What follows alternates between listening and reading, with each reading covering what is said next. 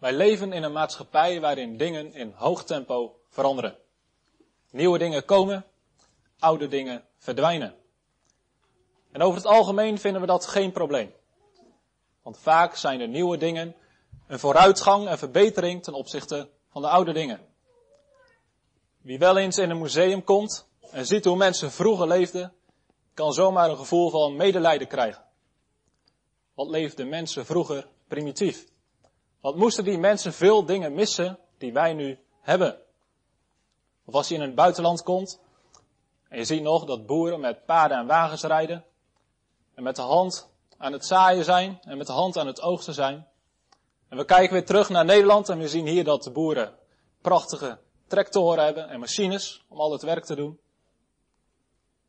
Dan beseffen dat wij in Nederland leven in een land van vooruitgang. Stelt u zich eens voor dat het andersom zou zijn. Ik bedoel dat we de nieuwe dingen wegdoen en weer vervangen voor de oude dingen. We doen al onze auto's weg en we gaan weer te voet of met paard en wagen. We doen alle elektrische apparaten weg. We vervangen de computers weer voor typemachines. Ik denk als we dit zouden toepassen, dat mensen om ons heen vreemd zouden opkijken. Ik denk dat we snel in het nieuws komen. Dat mensen vast willen houden aan het oude, dat kunnen we nog begrijpen. Maar dat mensen nieuwe dingen wegdoen en weer vervangen voor de oude dingen, dat is toch wel heel erg vreemd. En dit is precies de reden waarom de brief aan de Hebreeën wordt geschreven. De Hebreeën waren Joodse christenen, Joden die geloofden dat de Heer Jezus de beloofde Messias was. En zoals het overal ging in Israël, maar ook op andere plekken, was dat niet makkelijk. Want de Joden die de Heer Jezus verwierp als de Messias, hadden een felle haat tegen de Joden die de Heer Jezus wel erkennen als de Messias. Maar de Joodse christenen, de Hebreeën, hadden dit in eerste instantie met blijdschap ondergaan. Ze waren zoveel van de zaligheid van de Heer Jezus. Ze hadden een sterke liefde en ze waren bereid om alles voor Jezus op te geven. Ze waren zelfs bereid om voor de Heer Jezus te sterven. Maar in de loop van de tijd verflauwde deze liefde. Ze gingen twijfelen of het wel de moeite waard was om zo'n zwaar leven te leiden als christen. Als burgers van het Romeinse Rijk hadden ze het niet makkelijk. De Joden daarentegen hadden een bevoorrechte positie. Zij werden erkend als een eigen religie te mogen hebben in het Romeinse Rijk. En zo gebeurde het dat Joodse christenen de balans gingen opmaken. En sommigen van hen besloten om maar weer terug te keren naar het Jodendom. Dat leek een hele wijze beslissing. Immers, ze hoefden veel minder te lijden en ze konden nog steeds dezelfde God blijven dienen. Ze moesten alleen het geloof in de Heer Jezus loslaten. Het leek een wijze stap, maar het is een hele dwaze stap. Ze keren namelijk terug naar een godsdienst die zwak en onvolmaakt was. Ze lieten het geloof wat wel de volmaakte zaligheid kon geven, lieten ze los. En ze gingen weer terug naar het geloof wat er niet die volle zaligheid kon geven. De brief aan Hebreeën is daarom heel erg ernstig. Het gaat er niet alleen om dat de Hebreeën iets doen wat dwaas is. Maar ze doen iets waardoor ze de volle zaligheid die ze in de Jezus hadden weer kwijtraken. Het eeuwige leven staat voor hen op het spel. Hoe doet de Hebreeën schrijver dat? De Hebreeën schrijver wil duidelijk maken wat het verschil is tussen het Jodendom en het Christendom. Hij wil duidelijk maken wat het verschil is tussen het oude, waar ze weer naar terug willen keren, en het veel betere, het nieuwere van het Christendom. Er worden heel veel vergelijkingen gemaakt in de brief aan Hebreeën. Het begint in hoofdstuk 1 en 2 met de vergelijking tussen de Jezus en de engelen. Blijkbaar waren engelen in de, die tijd in het Jodendom heel erg belangrijk. In hoofdstuk 1 en 2 wordt duidelijk gemaakt dat Jezus veel hoger en veel heerlijker is dan de engelen. In hoofdstuk 3 en 4 wordt een soortgelijke vergelijking gemaakt tussen Mozes en de Heer Jezus. En dan vanaf hoofdstuk 5 wordt de belangrijkste vergelijking gemaakt in de brief van Hebreeën. En dat is de vergelijking tussen Aaron en Jezus. Aaron als de hoge priester van het Oude Testament, als Levitisch priesterschap ten opzichte van de Heer Jezus. Deze vergelijking begint dus in hoofdstuk 5 en die stopt pas in hoofdstuk 10. En de schrijver naar de Hebreeën wil hen, koste wat het kost, overtuigen dat het priesterschap van de Heer Jezus veel beter en veel heerlijker is dan het priesterschap van Aaron en zijn nageslacht. Het Levitisch priesterschap. In de hoofdstukken voor hoofdstuk 5 heeft de Hebreeën schrijver al een paar keer gesteld dat de Heer Jezus hoge priester is. Maar dan zijn er twee vragen die hij moet beantwoorden. Allereerst de vraag, is Jezus wel door God aangesteld als hoge priester? Uit het Oude Testament blijkt toch duidelijk dat God Aaron heeft aangesteld als hoge priester. En dat alleen zijn zonen en degene die bij het geslacht van Levi hoorden, priester mochten worden. Is Jezus dan wel een legitieme hoge priester? En de tweede vraag die hij moet beantwoorden is, wat heeft Jezus dan gedaan als hoge priester? Immers, in de tempel mochten alleen de levieten werken. Jezus mocht niet in de tempel komen. In welke tempel is Jezus dan hoge priester geweest? En welk offer heeft hij dan gebracht? Deze twee vragen gaat de schrijver aan de Hebreeën beantwoorden in de hoofdstukken die wij hebben gelezen en ook daaromheen. Dus allereerst, is Jezus wel aangesteld als hoge priester?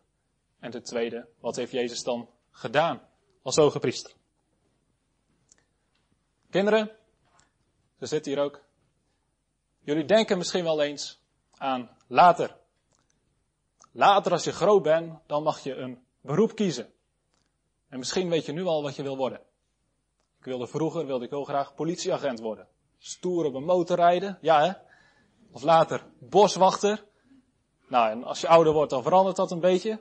Maar over het algemeen mogen wij een beroep kiezen.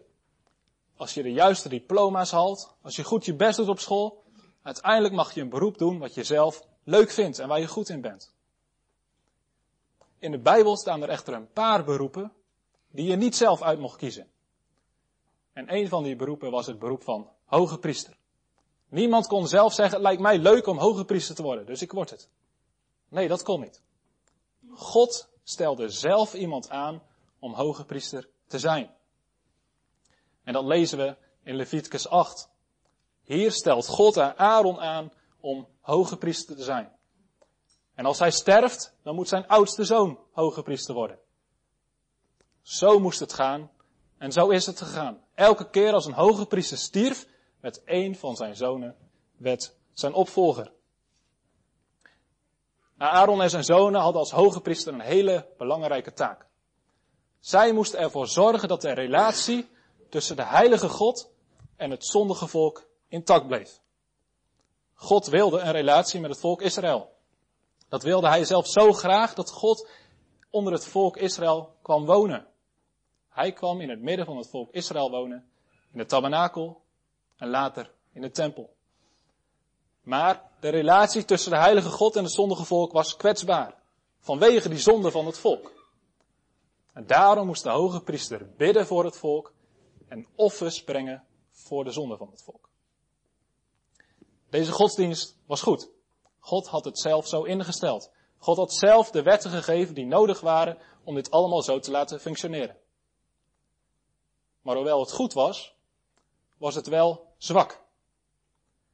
De hoge priesters konden uiteindelijk niet doen bij het volk wat ze nodig hadden als zondige mensen. En er zijn twee redenen voor. Deze redenen worden genoemd in hoofdstuk 7. Allereerst wordt de reden genoemd dat de hoge priesters zelf zondig waren. Zij moesten bemiddelen tussen de heilige God en het zondige volk. Maar wat duidelijk bleek dat zij zelf ook zondige mensen waren. Dus die eigenlijk zelf bij die zondige mensen hoorden die een andere middelaar nodig hadden. Dus dat is het eerste probleem. De hoge priesters waren zelf ook zondig. Het tweede probleem wat in hoofdstuk 7 wordt genoemd, is dat de hoge priesters sterfelijk waren. Zij konden niet voor altijd hoge priester blijven. Er kwam een moment dat zij stierven. En dan moest een andere hoge priester zijn taak overnemen. De hoge priesters in het Oude Testament waren dus zwak, omdat ze zelf zondig waren en sterfelijk.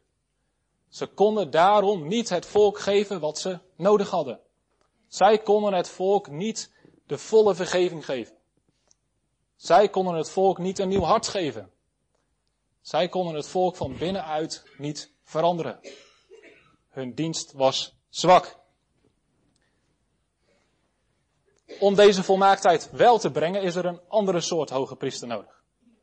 Een hoge priester die dus zelf zonderloos is en een hoge priester die onsterfelijk is. Maar onder al die priesters die er waren onder de levieten is er niet één hoge priester die hieraan voldoet. Alle hoge priesters die voort zijn gekomen uit de Levitisch priesterschap waren en zondig en sterfelijk. Nu wordt er in het Oude Testament gesproken over een ander soort priesterschap. Dat hebben we gelezen en gezongen met Psalm 110. God heeft gezegd dat hij een ander priesterschap geeft, namelijk naar de ordening van Melchizedek. Melchizedek komen maar op één andere plek tegen in het Oude Testament. En dat is Genesis 14. Misschien kennen de kinderen dat verhaal ook wel. Abraham en Lot die woonden samen in het land Canaan. En ze kregen ruzie. Er was te weinig weide en te weinig voedsel voor hun schapen. En ze gingen uit elkaar. Lot ging wonen in Sodom en Abraham bleef wonen in het land Canaan. En dan komt er een moment dat er oorlog is. Vijf koningen uit de omgeving van Israël gaan vechten met vijf andere koningen, waaronder de koning van Sodom en Gomorra. En die vijf koningen verslaan de koningen van Sodom en Gomorra. En Lot wordt weggevoerd als krijgsgevangene. Abraham hoort dat. En snel neemt hij zijn knechten en hij gaat erachteraan om Lot te bevrijden. En dit is gelukt.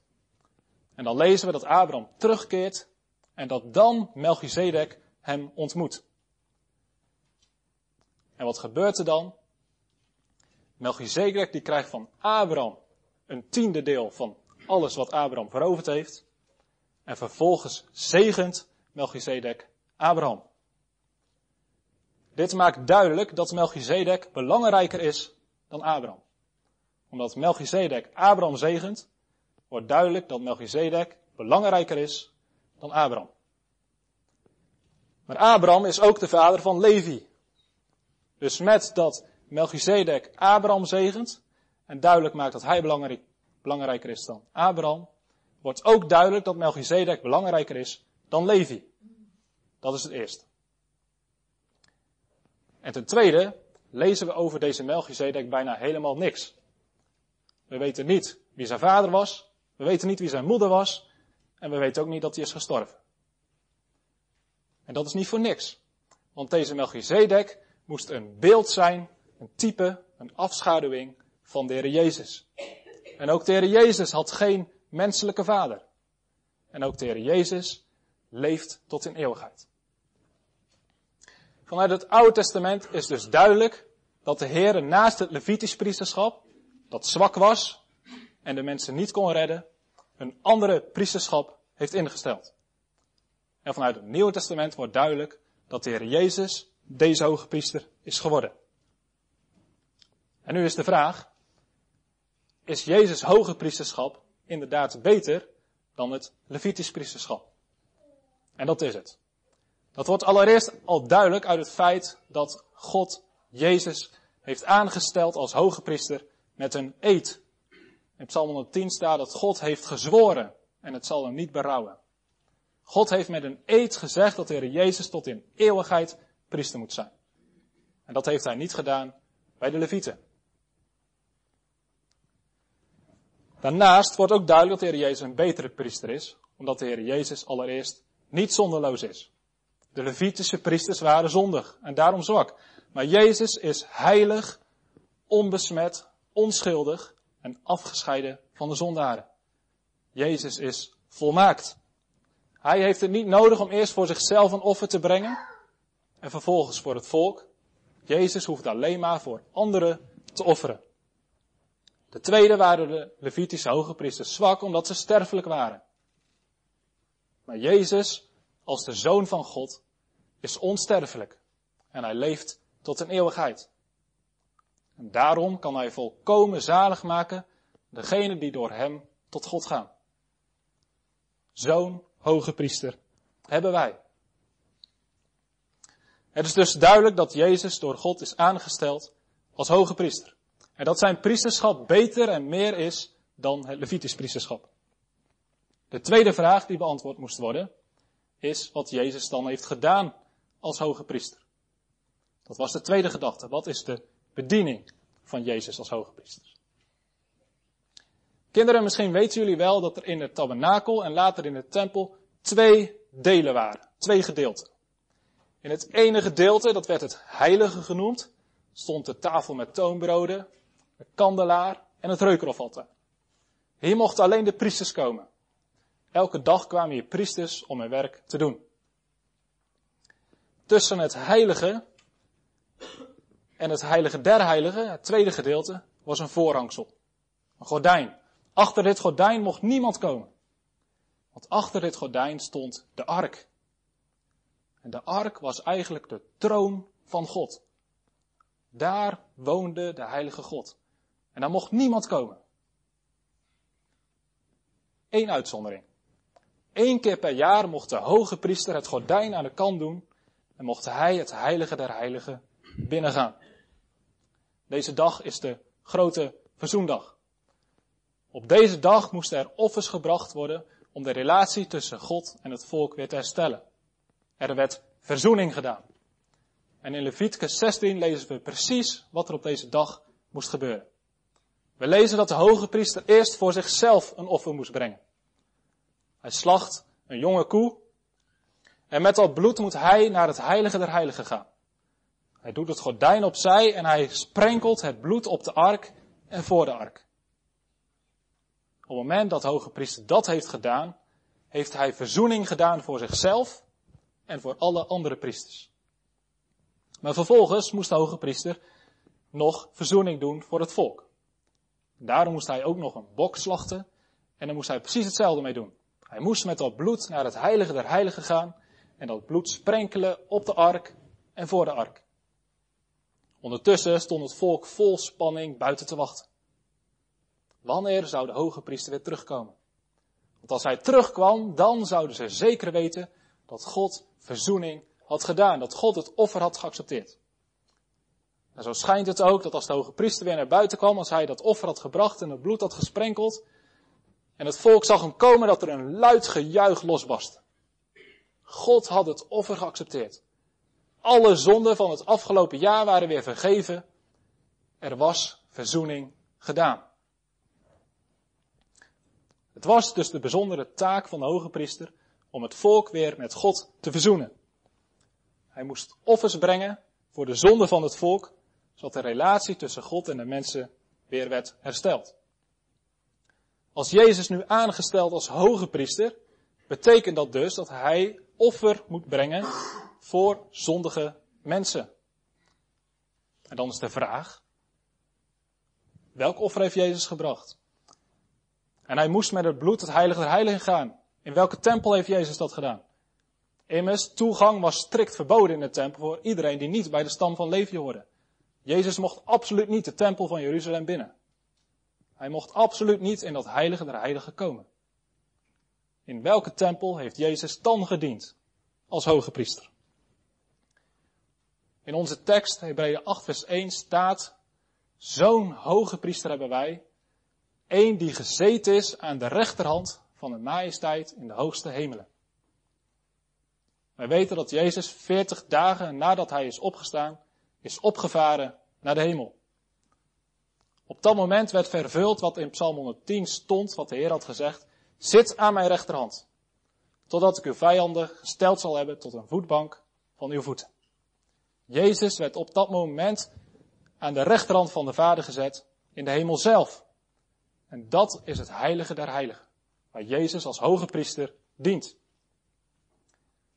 Toen Mozes in het Oude Testament het tabernakel moest maken, toen zei God tegen hem, je moet het precies zo maken zoals ik je laat zien op de berg. Exact doen wat ik jou zeg hoe je het moet maken. Waarom? Nou, God maakt duidelijk dat heel die tabernakeldienst een afschaduwing moest zijn van de hemelse dingen. Heel de tabernakeldienst moest vooruitwijzen op het werk van de Heer Jezus en wat Hij ging doen. En het heilige der heiligen symboliseerde, was een afschaduwing van de hemel zelf. En nu is Jezus niet binnengegaan in het heilige der heiligen van de tabernakel of de tempel, in de schaduw, maar Jezus is ingegaan in de hemel zelf. In de volle werkelijkheid van wat het heilige der heiligen symboliseerde. Dus daar is Jezus hoogpriester. De andere vraag was, wat heeft Jezus geofferd? De hoge priester mocht immers alleen het heilige der heiligen binnengaan met bloed. Hij had bloed nodig. Hij moest een offer brengen om het heilige der heiligen in te kunnen gaan. Wat heeft Jezus meegenomen? Welk bloed heeft hij meegenomen de hemel in?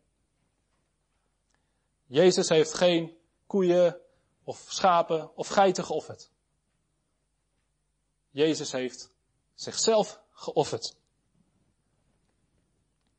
Jezus heeft maar één offer gebracht. Maar dat offer had zoveel waarde dat alle andere offers die ooit gebracht waren overbodig waren geworden. En met dat ene offer en met dat ene bloed is Jezus de hemel binnengegaan. Dit is de bediening van Jezus als onze hoge priester. En we zitten hier bij het hart van het evangelie. Dit is het evangelie, dat Jezus aan het kruis zichzelf heeft opgeofferd voor onze zonde en dat Hij met dat bloed naar de Vader is gegaan. God heeft zichzelf met ons verzoend door Jezus Christus. God was het namelijk die in Christus de wereld met zichzelf verzoende en aan hen hun overtredingen niet toerekende.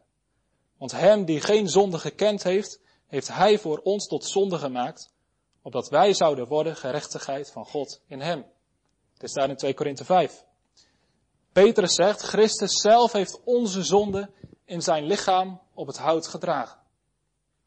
En in Johannes 1 staat, zie het lam van God, dat de zonde van de wereld wegneemt.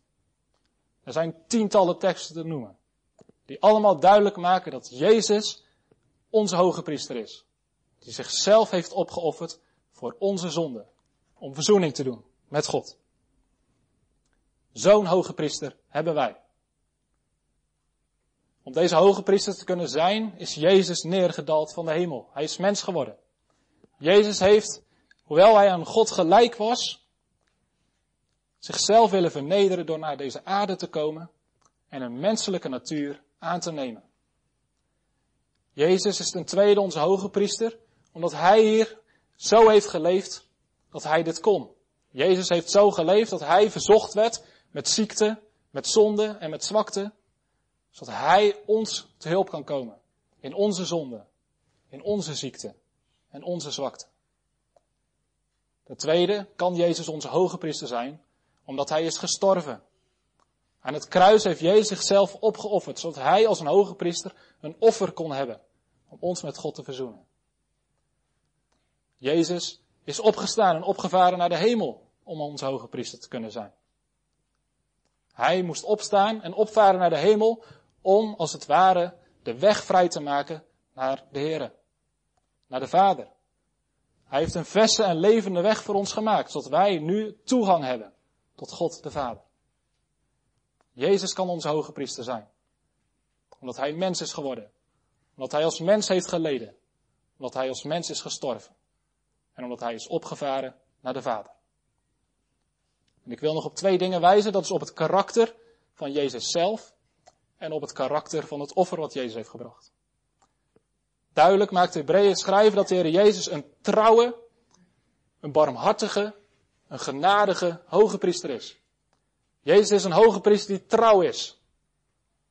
Hij zal je nooit laten vallen. Hij zal je nooit teleurstellen. Hij heeft alles gedaan wat de Vader van hem vroeg. Hij is daarin trouw geweest. En hij zal trouw zijn om een hoge priester voor u te zijn. Hij is barmhartig. Hij is vol van ontferming. Vol van liefde. Om iedereen die zijn hulp nodig heeft, te hulp te komen.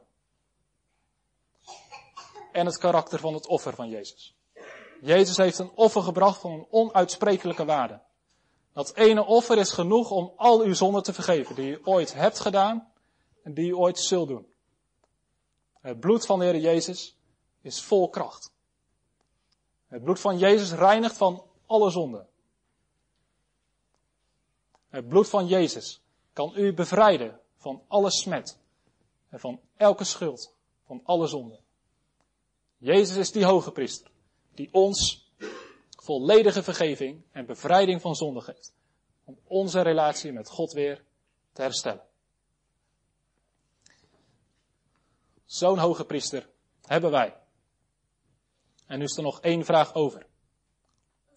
Hoe kunnen wij op de goede manier gebruik maken van Jezus als onze hoge priester?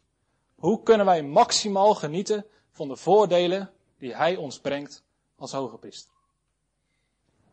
Ik hoop dat iedereen vanmorgen ervan overtuigd is dat iedereen, inclusief uzelf, Jezus nodig heeft als hoge priester.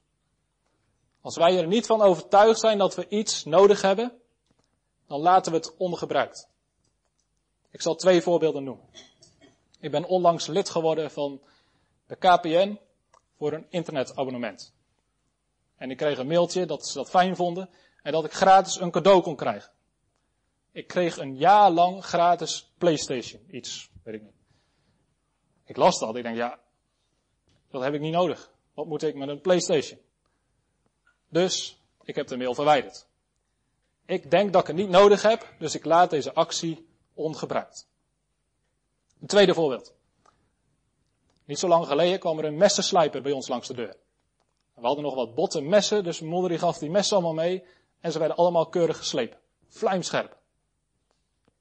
Stel je nou voor dat er nu in de, in krantje van de supermarkt een actie staat. Als je 50 euro uh, boodschappen doet, dan kun je gratis al je messen laten slijpen. Dat is niet meer nodig. Dus als je messen geslepen zijn, prima dat ze die actie houden, maar je maakt er geen gebruik van. Nu zijn er twee redenen waarom Jezus, waarom mensen geen gebruik maken van Jezus als hoge priester.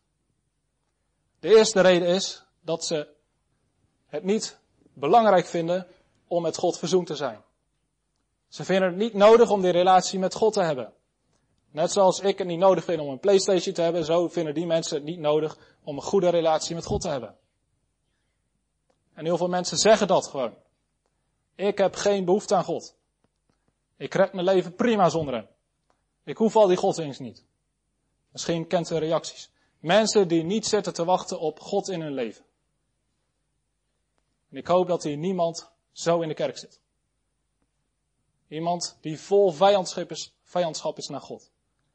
als dat wel zo is, dan wil ik u twee dingen zeggen. Ten eerste dat het niet zo verschrikkelijk is om God tegen je te hebben. In de Hebreeënbrief zegt de schrijver ergens, God is een verterend vuur. Het is verschrikkelijk om deze God als vijand te hebben. Jezus zegt ergens dat zijn discipelen niet bang moeten zijn voor andere mensen die ons lichaam kunnen doden. Maar, zegt hij, vrees voor God die uw lichaam en uw ziel kan verderven in de hel. Er is niet zo erg als een God die tegenover je staat. En ten tweede, er is ook niet zo mooi als een God die voor je is. Er is geen grotere vreugde, geen groter geluk denkbaar dan te weten dat God in de hemel jouw vader is. Dan te weten dat Hij vol liefde naar jou kijkt als zijn kind. Er is geen grotere vreugde dan deze relatie met God te hebben. En als u dus een hart hebt vol vijandschap naar God, weet dat ook de Heer Jezus is gekomen om die vijandschap weg te nemen. God bewijst zijn liefde voor ons dat Jezus voor ons gestorven is toen wij nog vijanden waren.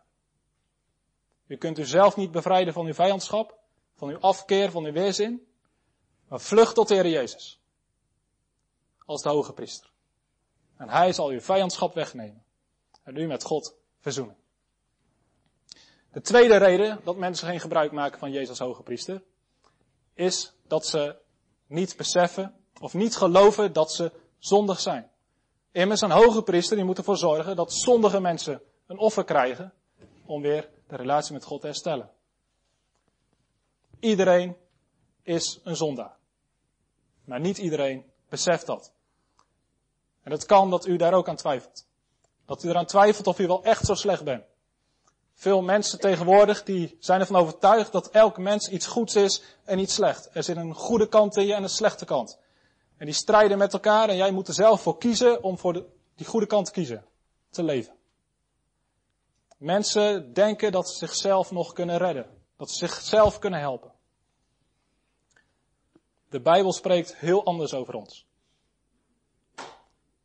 En als u twijfelt aan het feit dat u Jezus hoge priester nodig hebt, dan moet u onderzoeken wat de Bijbel van ons vraagt als mensen, wat echt een goed leven is. En als we de Bijbel lezen, dan ontdekken we dat God van ons vraagt dat we Hem lief hebben met heel ons hart, met heel ons verstand, met heel onze ziel en met alle krachten. En als u eerlijk uw leven ernaast legt, dan zult u ontdekken dat u dat nooit redt. En de tweede zegt God dat we de naaste moeten liefhebben als onszelf. Echte naaste liefde. Ik denk als we eerlijk in de spiegel kijken, dat iedereen moet zeggen, wij hebben niet de naaste lief zoals we hem lief zouden moeten hebben. We zijn egoïsten. We zijn op onszelf gericht. Alles draait vaak om onszelf. Laat u overtuigen dat u een zondaar bent. En als u daarvan overtuigd bent, dan zult u ook gebruik willen maken van de Heer Jezus als hoge priester. Ik hoop dat iedereen hier vanmorgen die relatie met God wil en beseft dat hij zondig is. Want als we die twee dingen beseffen, dan zullen wij gebruik willen maken van Jezus als hoge priester. En hoe kunnen wij zo gebruik maken van Jezus als ons hoge priester? Ten eerste moeten we weten en beseffen dat we Jezus als hoge priester krijgen van God. Er staat nergens dat we Jezus hoge priesterschap moeten verdienen of moeten kopen. We krijgen hem uit genade. De enige manier waarop wij de Heer Jezus als onze hoge priester kunnen ontvangen, is door hem in geloof te ontvangen. Het maakt niet uit wie u bent. Het maakt niet uit wat u heeft gedaan. U hoeft u zelf niet op te knappen. U hoeft niets te verdienen. God geeft de Heer Jezus. Als een volkomen zaligmaker. En ook als een volkomen hoge priester. U kan er dat u nog niet gered bent, maar wel die relatie met God wil en weet dat u zondig bent. Begin dan met gebruik te maken van de Heer Jezus hoge priester door tot Hem te bidden en door uw vertrouwen op Hem te stellen. Er staat in de Bijbel, en ieder die de naam van de Heer zal aanroepen, zal zalig worden. Roep naar de Heer Jezus. Om verlossing. Om gered te worden. En als u zijn naam aanroept, dan zult u zalig worden. En de tweede, stel dan ook uw vertrouwen op hem, dat hij het zal, wil en kan doen. Want wie op hem vertrouwt, zal niet beschaamd worden. Zeg tegen de Heer Jezus, ik ben een zondaar. En ik weet dat ik vergeving nodig heb. Ik weet dat ik zonder bloed, zonder uw offer, nooit de relatie met God kan krijgen. Wilt u mij redden? En als je met een oprecht hart dit bidt, en zo naar de Heer Jezus gaat, dan word je zeker gered. En misschien vraag je dan, hoe weet ik dat dan? God zelf zal dat jou duidelijk maken. God zelf zal tot jou spreken door zijn woord en door zijn geest dat je gered bent. Geen ander mens kan jou dat vertellen, maar God zelf zal doen. En als u nu al wel gered bent, dan mag weten dat Jezus hoge priester is, dan is ten eerste nodig om te beseffen dat we zondig blijven en dus dagelijks de Heer Jezus als onze hoge priester nodig hebben. Maar er is meer. Jezus heeft ons niet alleen vergeving gegeven, zodat we de relatie met God weer hebben, maar Jezus heeft er ook voor gezorgd als onze priester dat wij die relatie met God kunnen ervaren. Dat wij contact kunnen krijgen met God. Dat wij kunnen naderen tot God. Zoals de hoge priester mocht binnengaan in het heilige der heiligen, zo mogen wij als gelovigen op grond van Jezus hoge priesterschap naderen tot God. Binnengaan in het heilige der heiligen. Dit is het grootste voorrecht dat wij als christen hebben. Dat wij contact kunnen krijgen met de heilige God. En daarom moeten wij deze zegen niet verwaarlozen. Laten wij de Bijbel lezen, bidden, samenkomsten met gelovigen bezoeken. Want dat zijn de momenten waarop wij tot God naderen en God kunnen ontmoeten. En als wij van deze zegen gebruik maken, dan maken wij op de goede manier gebruik van Jezus als onze hoge priester. En Jezus heeft er niet alleen voor gezorgd dat wij contact kunnen krijgen met God, dat wij tot Hem kunnen naderen. Hij heeft er ook voor gezorgd dat wij tot eer van God kunnen leven. En dat heeft te maken met onze zwakheid. Het kan zijn dat u weinig strijd meer hebt als het gaat om geloof. U mag weten dat u een kind van God bent en er zeker van zijn. Maar dan heeft u nog steeds een grote strijd te voeren. De duivel zal er alles aan doen om u van God af te houden. Om ervoor te zorgen dat u niet in de Bijbel aan het lezen bent. Om ervoor te zorgen dat u niet te veel bidt. En vooral om ervoor te zorgen dat u naar niemand anders kunt getuigen over wie de Heer Jezus is. En de duivel die maakt gebruik van ons vlees. Hij maakt gebruik van alle wereldse begeerten die daar perfect op aansluiten. En als we deze strijd bekijken, dan moeten we, denk ik, allemaal zeggen van wie kan hierin staande blijven? Wie is sterk genoeg om weerstand te bieden aan de duivel en het vlees en aan de wereld? En dat kan niemand. En daarom hebben wij de kracht van Jezus als hoge priester nodig. En dat heeft te maken met die tekst waarmee we begonnen. Jezus kan ons, die verzocht worden, te hulp komen. Hij kan ons de kracht geven om staande te blijven. En om trouw te blijven aan Hem en te leven tot eer van God. Er is een zwakte in ons als het gaat om de geestelijke strijd. Maar er kan ook een zwakte in ons zijn als het gaat om onze aardse omstandigheden. We kunnen overvallen worden door zorg als het gaat om geld, als het gaat om opleiding, diploma's, werk, als het gaat om gezondheid. Ook in dat opzicht zijn wij super zwakke mensen. En ook in dat opzicht wil Jezus onze hoge priester zijn. Ook hij weet wat het is om verzocht te worden door ziekte en zwakte. En ook hij weet hoe wij het beste daarin kunnen volharden en wat wij daarvoor nodig hebben. Hij kan volkomen medelijden hebben met onze zwakte in alle opzichten. En hij kan ons daarin volkomen te hulp komen. Het is geweldig om te weten dat wij een hoge priester hebben, die zelf in alle dingen verzocht is geweest. En die daarom weet hoe het is om verzocht te worden. En daarom ons in onze verzoekingen te hulp kan komen. Het is geweldig om een hoge priester te hebben, die de genade geeft die nodig is, op elk moment dat we daarom vragen. En is een lied, zegt, zijn wij zwak, belast, beladen, of te neergedrukt door zorg, dierbare heiland, onze toevlucht. U bent onze hulp en borg. Als wij zo op de Heer Jezus zien, dan maken wij goed gebruik van Hem als onze hoge priester. Amen.